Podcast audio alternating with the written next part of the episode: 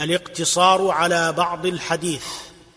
وحذف بعض المتن فامنع أو آجز أو إن أوتم أو لعالم وامز. ذا بالصحيح إن يكن ما اختصاره منفصلا عن الذي قد ذكره وما لي ذي تهامات أن يفعله فإن أبى فجاز ألا يكمله أما إذا قطيع في الأبواب فهو إلى الجواز ذو اقتراب